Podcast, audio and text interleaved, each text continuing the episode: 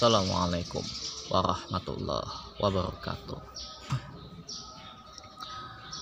Alhamdulillahirabbil alamin. Alhamdulillahillazi anzala ala abdihil kitaba walam yaj'alahu iwaja.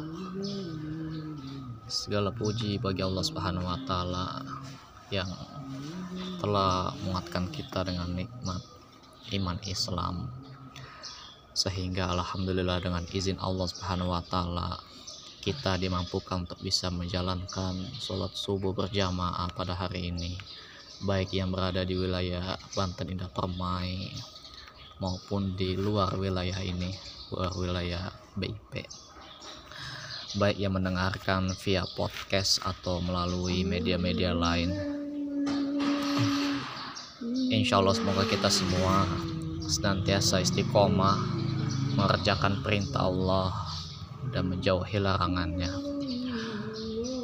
Dan jangan lupa mari kita ucapkan salawat dan salam kepada Nabi besar kita yakni Nabi Muhammad Sallallahu Alaihi Wasallam beserta para keluarganya para sahabatnya dan orang-orang yang senantiasa berjalan istiqomah di bawah naungan sunnah Nabi Muhammad Wasallam hingga akhir hayatnya hari ini kita masih bersama kitab salah satu kitab terbaik yakni Riyadus Solihin karya Al-Imam An-Nawawi rahimahumullah.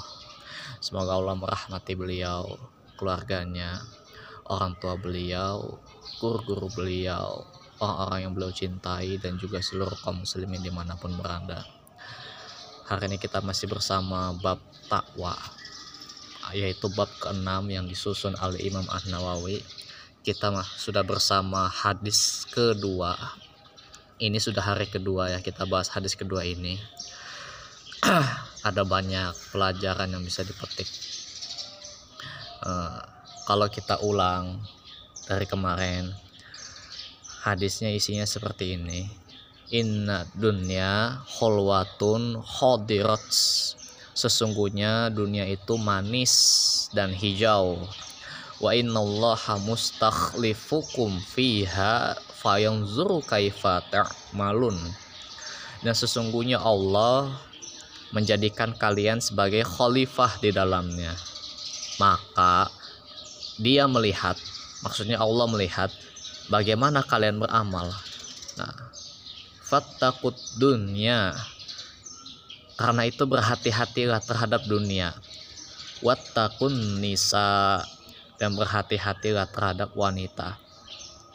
Fa inna awwala fitnati bani israila kanat fin nisa. Karena sesungguhnya fitnah Bani Israel yang pertama ada pada wanita. Ya hadirin Allah muliakan kita masih membahas tentang manisnya dunia dan hijaunya dunia. Ya atau kalau mau pakai judul singkat itu dunia itu manis dan hijau. Seperti kemarin sudah dijelaskan hijau itu sesuatu yang membuat kita nyaman tenang dan merasa kita tuh ingin memilikinya gitu ya.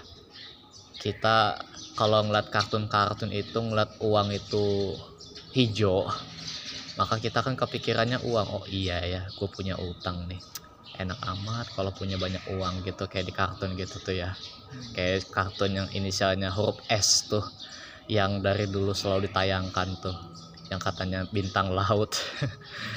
Itu ya. Itu kan tentang uang aja uang tuh. Kita malah jadi kepikiran oh iya ya punya uang sebanyak itu enak kali ya bisa ngapain aja. Bahasa anak kecil mah Nah, dunia itu manis, maka wajar kita merasa nikmat memilikinya. Entah kalau yang levelnya orang tua orang tua itu misalnya punya mobil, punya motor banyak, punya rumah, rumahnya bukan satu, bukan dua lah, tapi di tiap di tiap daerah ada lah gitu dia, atau punya kontrakan yang bisa dikontrakin atau kalau petani mah punya ladang yang luas berhektar-hektar terus kalau bahasa anak muda mah ya kalau saya mah nggak nggak muluk-muluk pak. Pengen punya pacar aja lah gitu taruhan. Kadang gitu ya. Aduh padahal nggak boleh gitu. Anak muda tuh senangnya apa sih gitu? Ya senangnya jalan-jalan lah pakai motor lah konvoy barang atau suka ini melakukan perjalanan ke gunung-gunung. Kalau yang suka traveling yang suka hiking gitu. Atau yang suka liburan ke taman mini gitu. Ya ke taman mini. Yang suka ke taman safari ya ke taman safari. Manis. Kita butuh itu emang.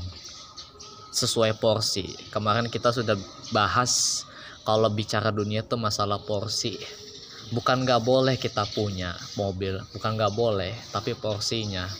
Kita pikirin porsinya aja gitu. Nah hadirin yang Allah muliakan kita masih lanjut. Dan saya review ulang. Kemarin itu saya sempat bilang tentang cara pandang orang beriman terhadap dunia dengan akhirat. Gitu ya nah orang yang cinta sama akhirat ini yang ngaku cinta kepada akhirat itu tidak akan sempurna kecuali dengan bersikap zuhud terhadap dunia. Ya insya Allah ini kalau bahas zuhud ini di ustadz lain ya insya Allah ya. Nah sementara zuhud terhadap dunia itu tidak akan terrealisasi melainkan setelah ia memandang kedua hal ini dengan sudut pandang yang benar. Sudut pandang yang benar ini jangan menurut pandangan manusia ya. Menurut pandangan manusia relatif. Enggak mutlak. Bisa salah bisa iya. Kebanyakan salahnya tapi. Nah tapi kalau sudut pandangnya Allah nggak ngejelimet lah. Gitu insya Allah itu yang harus kita ikuti. Nah kita bedah dari dua sudut pandang. Yang pertama dari sisi memandang dunia dan sisi memandang akhirat. Ini kita ulang lagi. Yang pertama bagi orang beriman memandang dunia itu sebagai sesuatu yang mudah hilang, lenyap, dan musnah. Dunia itu adalah sesuatu yang kurang, tidak sempurna, dan hina. Gitu ya. Mudah hilang, lenyap, dan musnah. Maksudnya gimana? Ya simple lah kehidupan sehari-hari. Kita punya sendal paling bagus, bukan lagi swallow suka berangkat ke masjid pakai sendal itu besok-besok pakai swallow yang jelek ketukar mudah hilang karena ada yang suka juga barangkali gitu ya atau oke okay lah bukan hilang tapi kan dipakai tiap hari otomatis rusak. Ada saatnya kadang sobek itunya apa namanya sendalnya. Atau kadang kotor kotornya itu udah nggak bisa digosok lagi gitu ya. Atau udah lepas-lepas gitu kulit-kulit aksesoris sendalnya itu. Dan musnah. Nah itu dunia itu sesuatu yang kurang tidak sempurna dan hina. Uh, kita nih misalnya doyan makan apa sih? Makan bakso misalnya. Do bakso paling enak sekota Serang misalnya. Kita makan sekali nih nikmat banget. Tapi coba dimakan yang kedua kali ketiga kali hmm. keempat kali. Apa emang nggak enak atau nggak bosen gitu? Bosen itu dunia. Mudah hilang tuh. Ah bosen lah. Ya udahlah cari ayam goreng. Cari ayam goreng lagi kita suka itu polanya gitu terus. Kita suka sama sesuatu hal lama-lama bosen yang lagi rame pada nikah muda nih awalnya suka nih ngelamar udah pede. Oh insya Allah saya masih setia sama dia. Setelah itu eh masih suka ngeliat yang lain. Kok yang lain lebih cantik ya dari istri saya ya? Ya Allah kinclong lagi. Make upnya putih Istri saya maaf maaf pakai dasteran mulu kalau lagi di rumah gitu. Udah gitu berminyakan mukanya gara-gara suka masak. Gitu ya ya. Nggak sempurna. Gitu. Jadi aneh gitu ya kalau kita ini.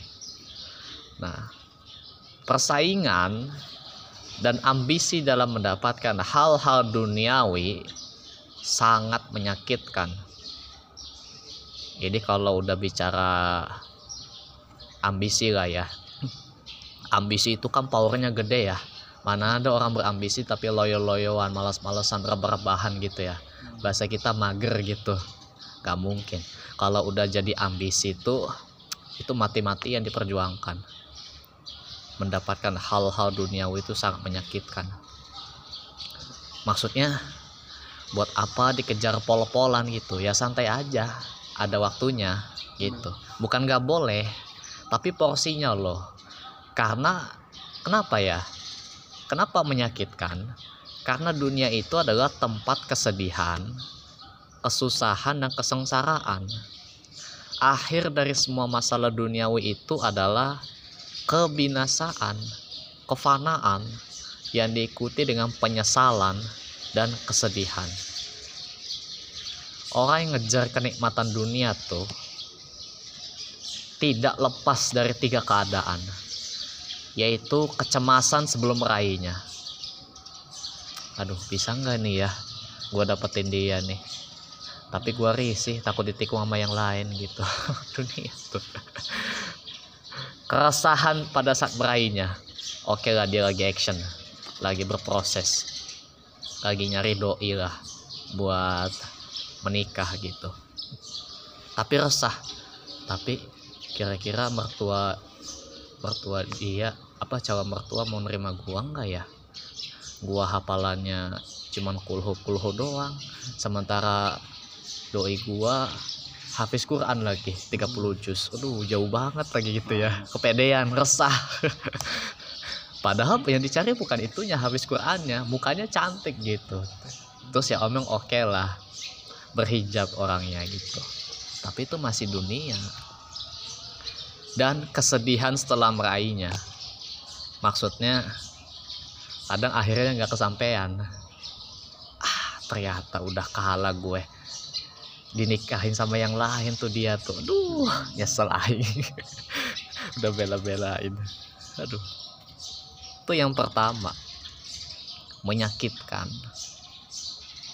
Yang kedua memandang akhirat sebagai sesuatu yang pasti datang kekal dan abadi.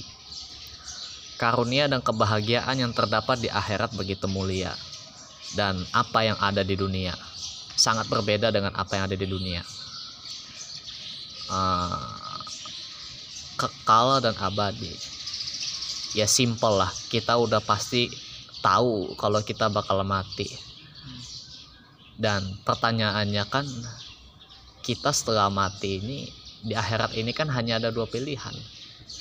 Entah itu surga atau neraka. Surga sama neraka sama-sama kekal dan abadi loh. Khawatir kita kekal di neraka. Karena misalnya kita jadi orang munafik tulen gitu atau jadi orang kafir ya kekal. Kita mati di situ tapi dihidupkan lagi terus ngalamin siksa di neraka ya saya maunya ke surga lah bang Angga ya ke surga pertanyaannya pandangan kita dari awalnya kayak gimana yakin nggak akhirat itu adalah sesuatu yang pasti datang kekal dan abadi gitu dan perlu kita tahu akhirat itu adalah sebagaimana yang Allah firmankan di surat Al-A'la ayat 17. Biasalah imam kita sering baca. Wal akhiratu khairun wa abqa. Padahal kehidupan akhirat itu lebih baik dan lebih kekal. Nah, tapi nada tapinya nih. Apabila seseorang lebih mengutamakan sesuatu yang binasa dan tidak sempurna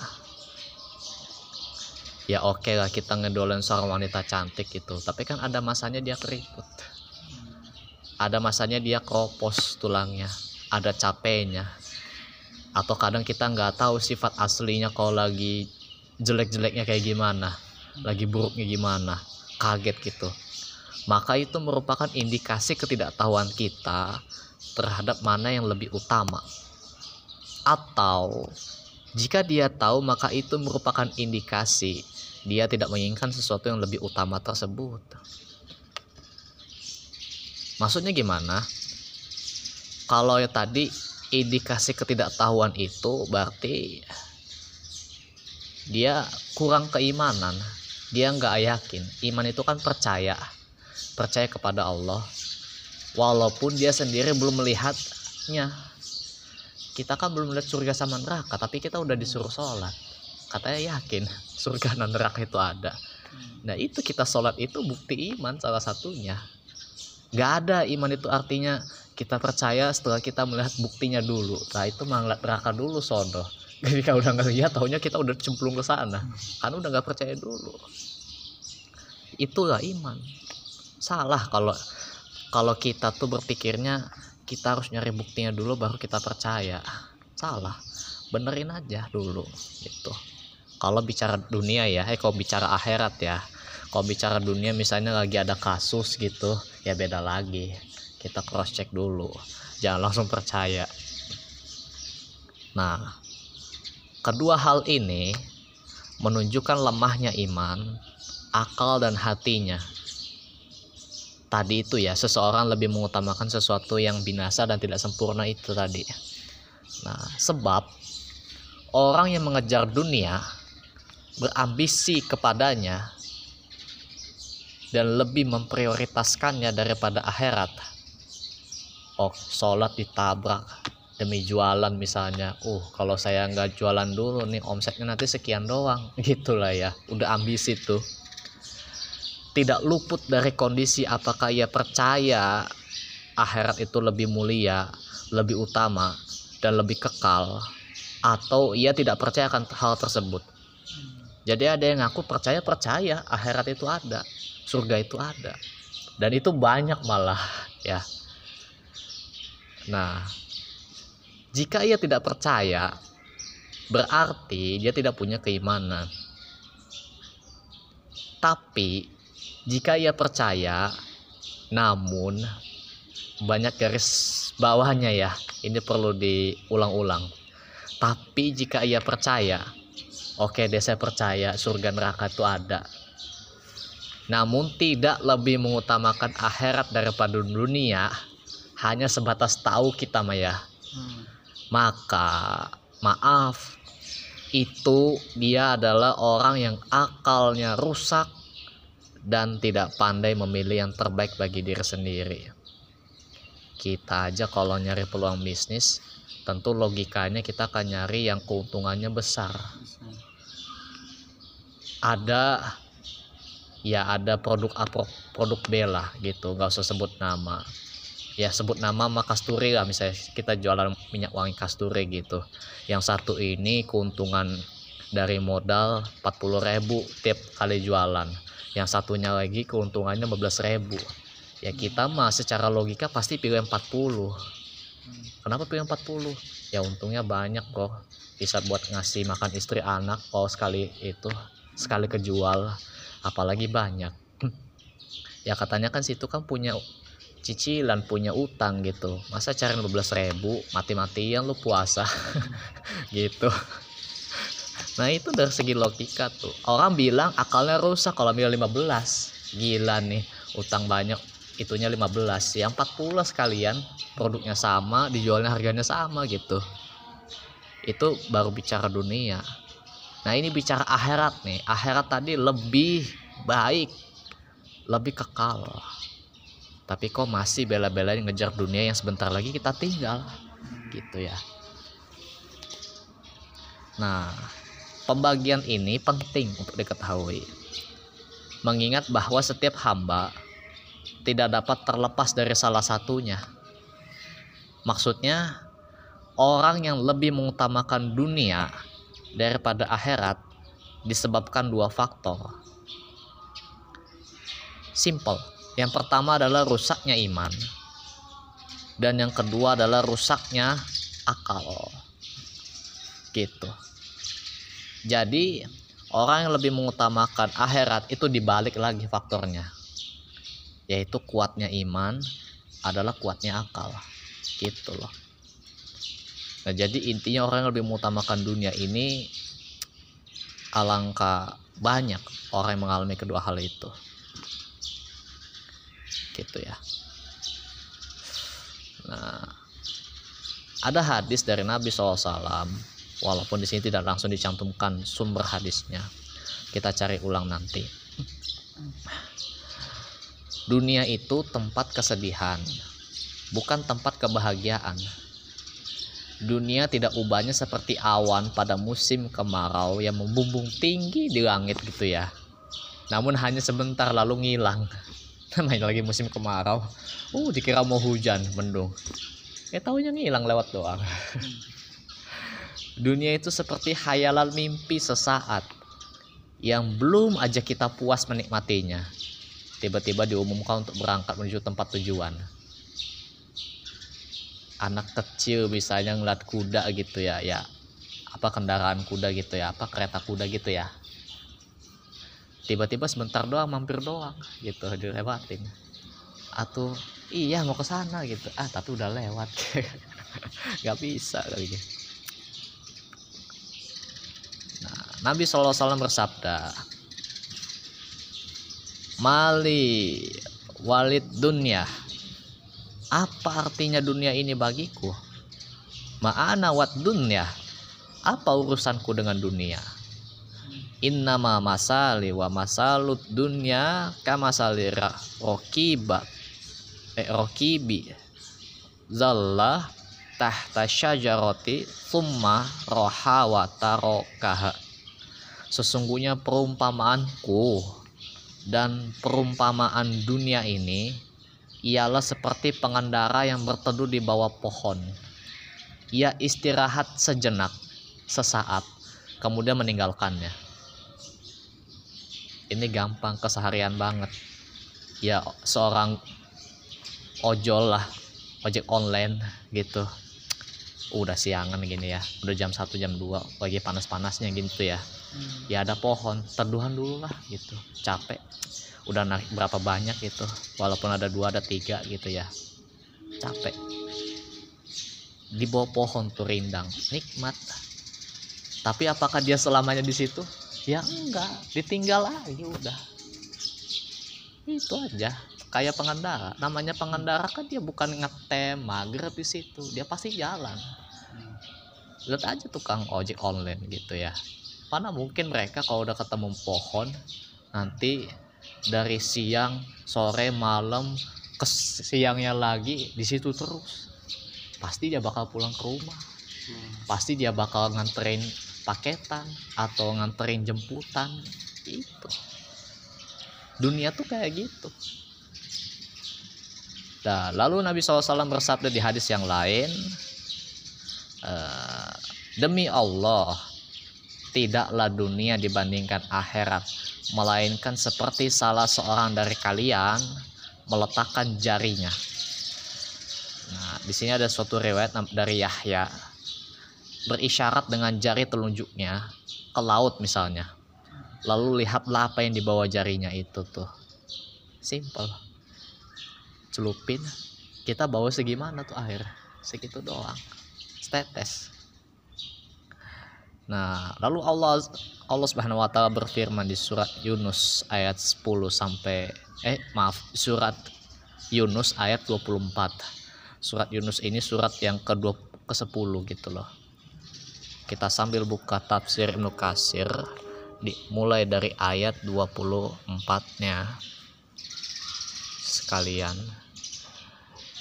Memang gak panjang. Inna memasalul hayatid dunya kama anzalna hu minas sama ifakh talato nabatul ardi mimma yakulun nasu wal an'amu hatta izah akhozatil ardu khu zuhru faha wadzat yanats wa zonna ahluha annahum qadiruna alaiha.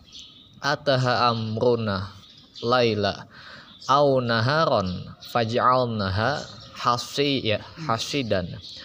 Kan anlam tagna bil imsi kazalika nufassilul ayati li qaumin yatafakkarun. Nanti diulang aja ayatnya ya. Ini ada kesalahan dari yang berbicara nih dalam mengucapkan. Sesungguhnya perumpamaan kehidupan duniawi itu, ini Allah berbicara tentang perumpamaan kehidupan duniawi itu hanya seperti air hujan yang kami turunkan dari langit. Berarti kita nanti lihat sendiri ya, air hujan dari langit. Lalu tumbuh tanaman-tanaman bumi dengan subur karena air itu. Di antaranya ada yang dimakan manusia dan hewan ternak.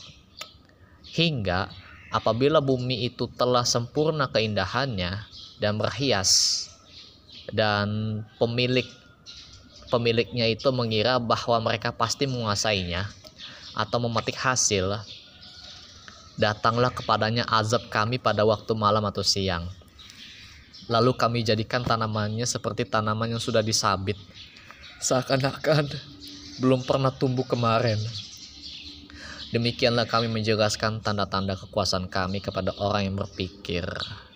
Begitu. Jadi ada yang datang kepada kita gitu, sesuatu yang nikmat ya. Tapi itu nggak akan selamanya. Kadang ketika kita mau metik, mau jadi nih dapat nih, tiba-tiba hilang. Kita nabung uang satu ribu. Uang satu ribu tuh rencana mau beli kuota. Eh tiba-tiba besoknya kemalingan. Besoknya kemalingan. Waduh. Acara apa? Parah itu ya. Lah. Tunggu oh iya ada kabar mutawatir dari ulama salaf mengatakan cinta dunia itu merupakan induk dari segala kesalahan dosa dan merusak agama. Nah, hal ini ditinjau dari tiga sisi, tiga segi. Sisi yang pertama, mencintai dunia itu berarti mengagungkan dunia. Padahal ia sangat hina di mata Allah Subhanahu wa taala. Dunia itu hina termasuk dosa yang paling besar adalah mengagungkan sesuatu yang direndahkan oleh Allah Subhanahu wa taala. Katanya dosa besar itu ada 10, Bang. Coba nanti baca kitab Al-Qabair karya Imam Az-Zahabi. Bisa ada PDF-nya, nanti download aja di internet insya Allah. Cari apa namanya kitab yang namanya Al-Qabair versi PDF. Nanti dicek. Karya Al-Imam Az-Zahabi salah satu ulama mazhab Syafi'i. Dan itu kalau tidak salah muridnya Syekhul Islam Ibnu Taimiyah. Gitu ya. Al-Qabair nanti kita akan pelajari apa saja yang termasuk dosa besar di sana. Banyak. Sebenarnya bukan 10 banyak. Yang kedua tadi yang pertama tuh ya dosa yang paling besar tuh maksudnya mengagungkan sesuatu yang direndahkan oleh Allah Subhanahu wa taala. Yang kedua, Allah Subhanahu wa taala mengutuk, memurkai dan membenci dunia. Awalnya, dasarnya kecuali yang ditujukan kepadanya. Karena itu, barang siapa mencintai apa yang dikutuk, dimurkai dan dibenci oleh Allah Subhanahu wa taala, maka ia akan berhadapan dengan kutukan, murka dan kebenciannya. Kecuali yang ditujukan kepadanya. Maksudnya kita punya HP, aslinya hina nih. Aslinya ini dibenci sama Allah, tapi kita pakai buat ngaji, buat nyari syarah keterangan Riyadus Solihin misalnya, atau buat nyari referensi kitab-kitab lain yang perlu dipelajari atau kita biasanya dengerin YouTube kajian apa gitu ya di ustadz siapa. Nah itu tidak hina tidak dibenci oleh Allah Subhanahu wa taala. Yang ketiga mencintai dunia berarti menjadikan dunia sebagai tujuan dan menjadikan amal dan ciptaan Allah yang seharusnya menjadi sarana menuju kepada Allah dan negeri akhirat berubah menjadi kepentingan dunia. Sehingga ia membalik persoalan dan memutar kebijaksanaan. Nah bingung yang ketiga nih. Nah ini mau dijelasin. Nah di sini ada dua persoalan nih. Dua persoalan yang mungkin pertanyaan yang banyak di pengen ditanyakan yang pertama persoalannya adalah menjadikan wasilah atau sarana sebagai tujuan.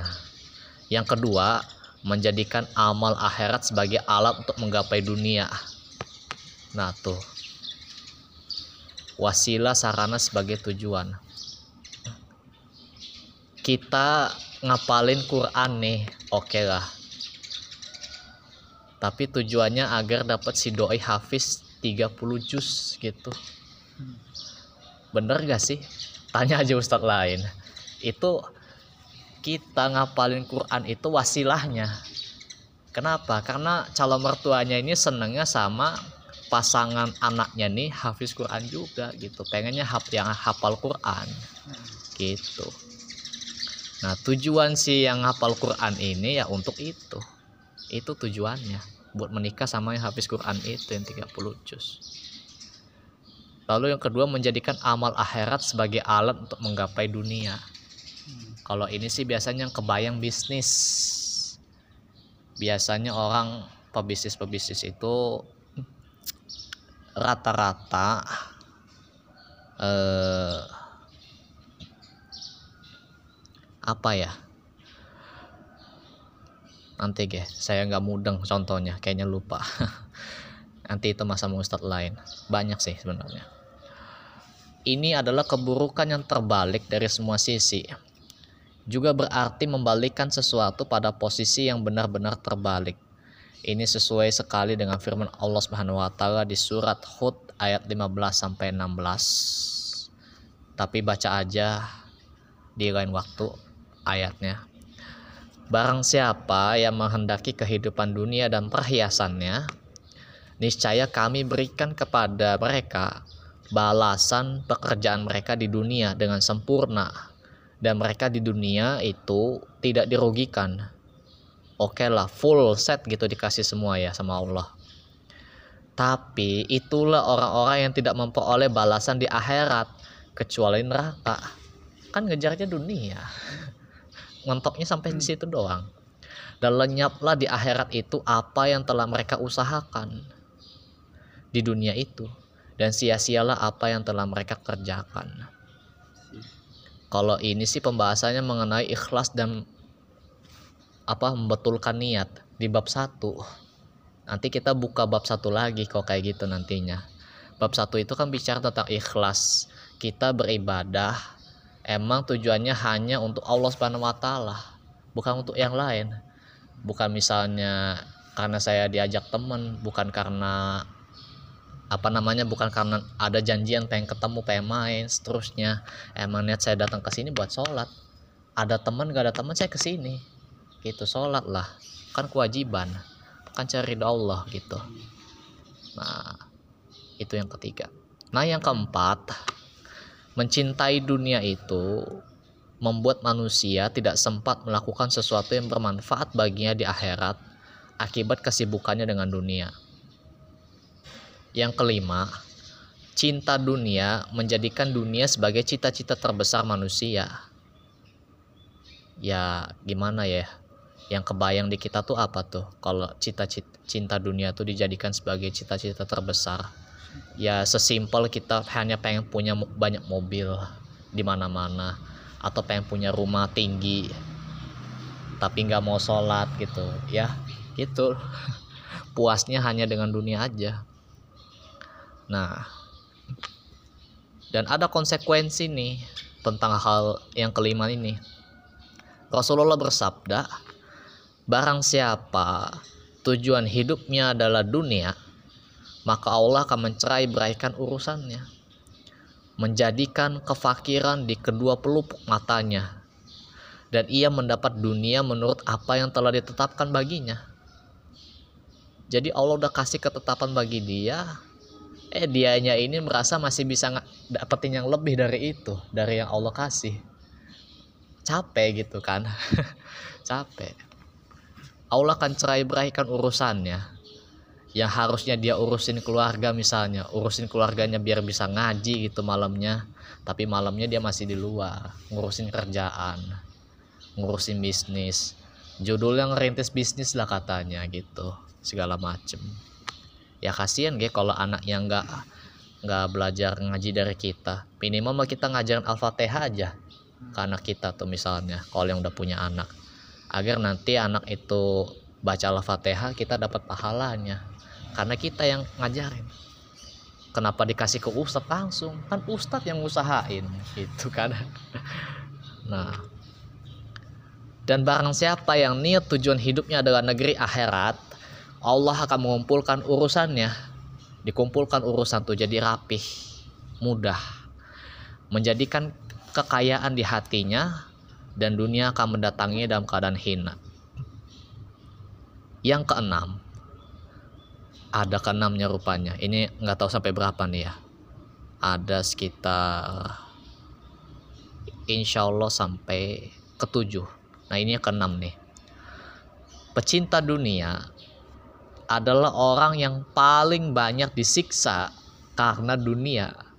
Ia disiksa pada tiga keadaan. Ia disiksa di dunia dalam bentuk usaha, kerja keras untuk mendapatkannya, dan perebutan dengan sesama pecinta dunia lainnya.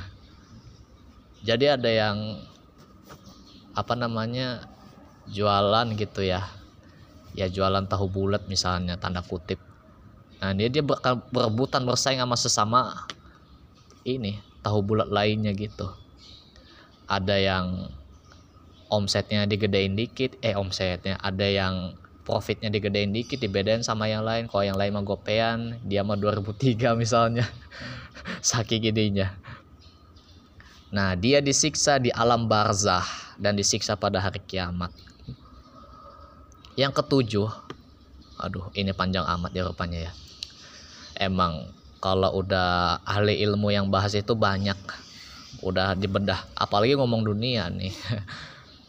Penggila harta dan pecinta dunia yang lebih mengutamakan dunia daripada akhirat adalah orang yang paling mohon maaf paling bodoh. Nggak ngerti apa-apa.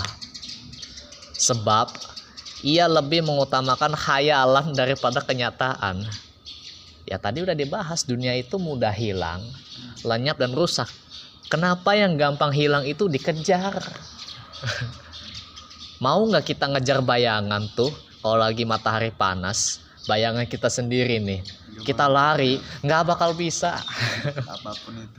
Sesusah apa pun, nggak bisa terus lebih mengutamakan tidur di waktu malam daripada terjaga terjaga buat tahajud misalnya atau qiyamul lail lebih mengutamakan bayang-bayang yang segera hilang daripada kenikmatan yang kekal lebih mengutamakan rumah yang segera binasa dan menukar kehidupan yang abadi yang nyaman dengan kehidupan yang tidak lebih dari sekedar mimpi atau bayang-bayang segera hilang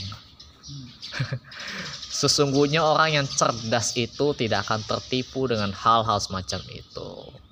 Dan sebagai penutup sekaligus lanjutan untuk esok insya Allah Al-Imam Ibnu Qayyim berkata pecinta dunia itu nggak akan lepas dari tiga hal kata beliau yaitu kesedihan atau kegelisahan yang terus menerus tiap hari begitu aja rasanya gelisah mulu. Yang kedua capek atau keletihan yang berkelanjutan nggak hilang-hilang ya namanya ngejar dunia kayak gimana sih? Artinya kan udah nabrak waktu yang Allah kasih. Nyari nafkah itu pagi sampai sore dong. Jangan nyampe malam. Malam tuh bisa overdosis bisa insomnia bisa ngantuk pada waktu paginya. Nggak bagus apalagi anak muda biasanya yang kayak begitu. Begadang sampai malam. Parah nanti. Nanti masih muda mata udah merah. Seolah-olah kayak habis nangis. Padahal enggak gitu. Dan penyesalan yang tidak pernah berhenti. Dia menyesal nih. Tapi ya karena udah cinta dunia ya terus diulang-ulang. Akhirnya menyesal lagi menyesal lagi menyesal lagi. Enggak capek-capek. Kok kata kita mah enggak kapok-kapok. Dan mungkin sampai di situ dulu pembahasan kita. Insya Allah mungkin ada yang ingin berangkat sekolah barangkali ya. Atau mungkin ada yang daring Nah, cukup sampai di situ. Semoga apa yang sudah disampaikan tadi bisa memotivasi kita untuk memperbaiki amal soleh kita terutama memperbaiki niat kita untuk senantiasa hanya mengharap ridha Allah Subhanahu wa taala dan jauh dari noda-noda penyakit hati seperti ria, iri, dengki, sum'ah, ujub, sombong dan lain sebagainya. Kita belajar bersama untuk tidak mencintai dunia kecuali seperlunya saja. Titik gitu ya. Ya, mari kita minta pertolongan kepada Allah Subhanahu wa taala agar Allah tanamkan kepada kita kecintaan terhadap akhirat, menjadikan niat dan tujuan kita di akhirat gitu ya daripada dunia dan semoga orang yang belum diberikan hidayah tentang materi tadi ya pecinta dunia nih kan banyak ya Allah berikan hidayah agar senantiasa mencintai kehidupan akhirat. Ya maksudnya bahasa kita masuk surga gitu ya.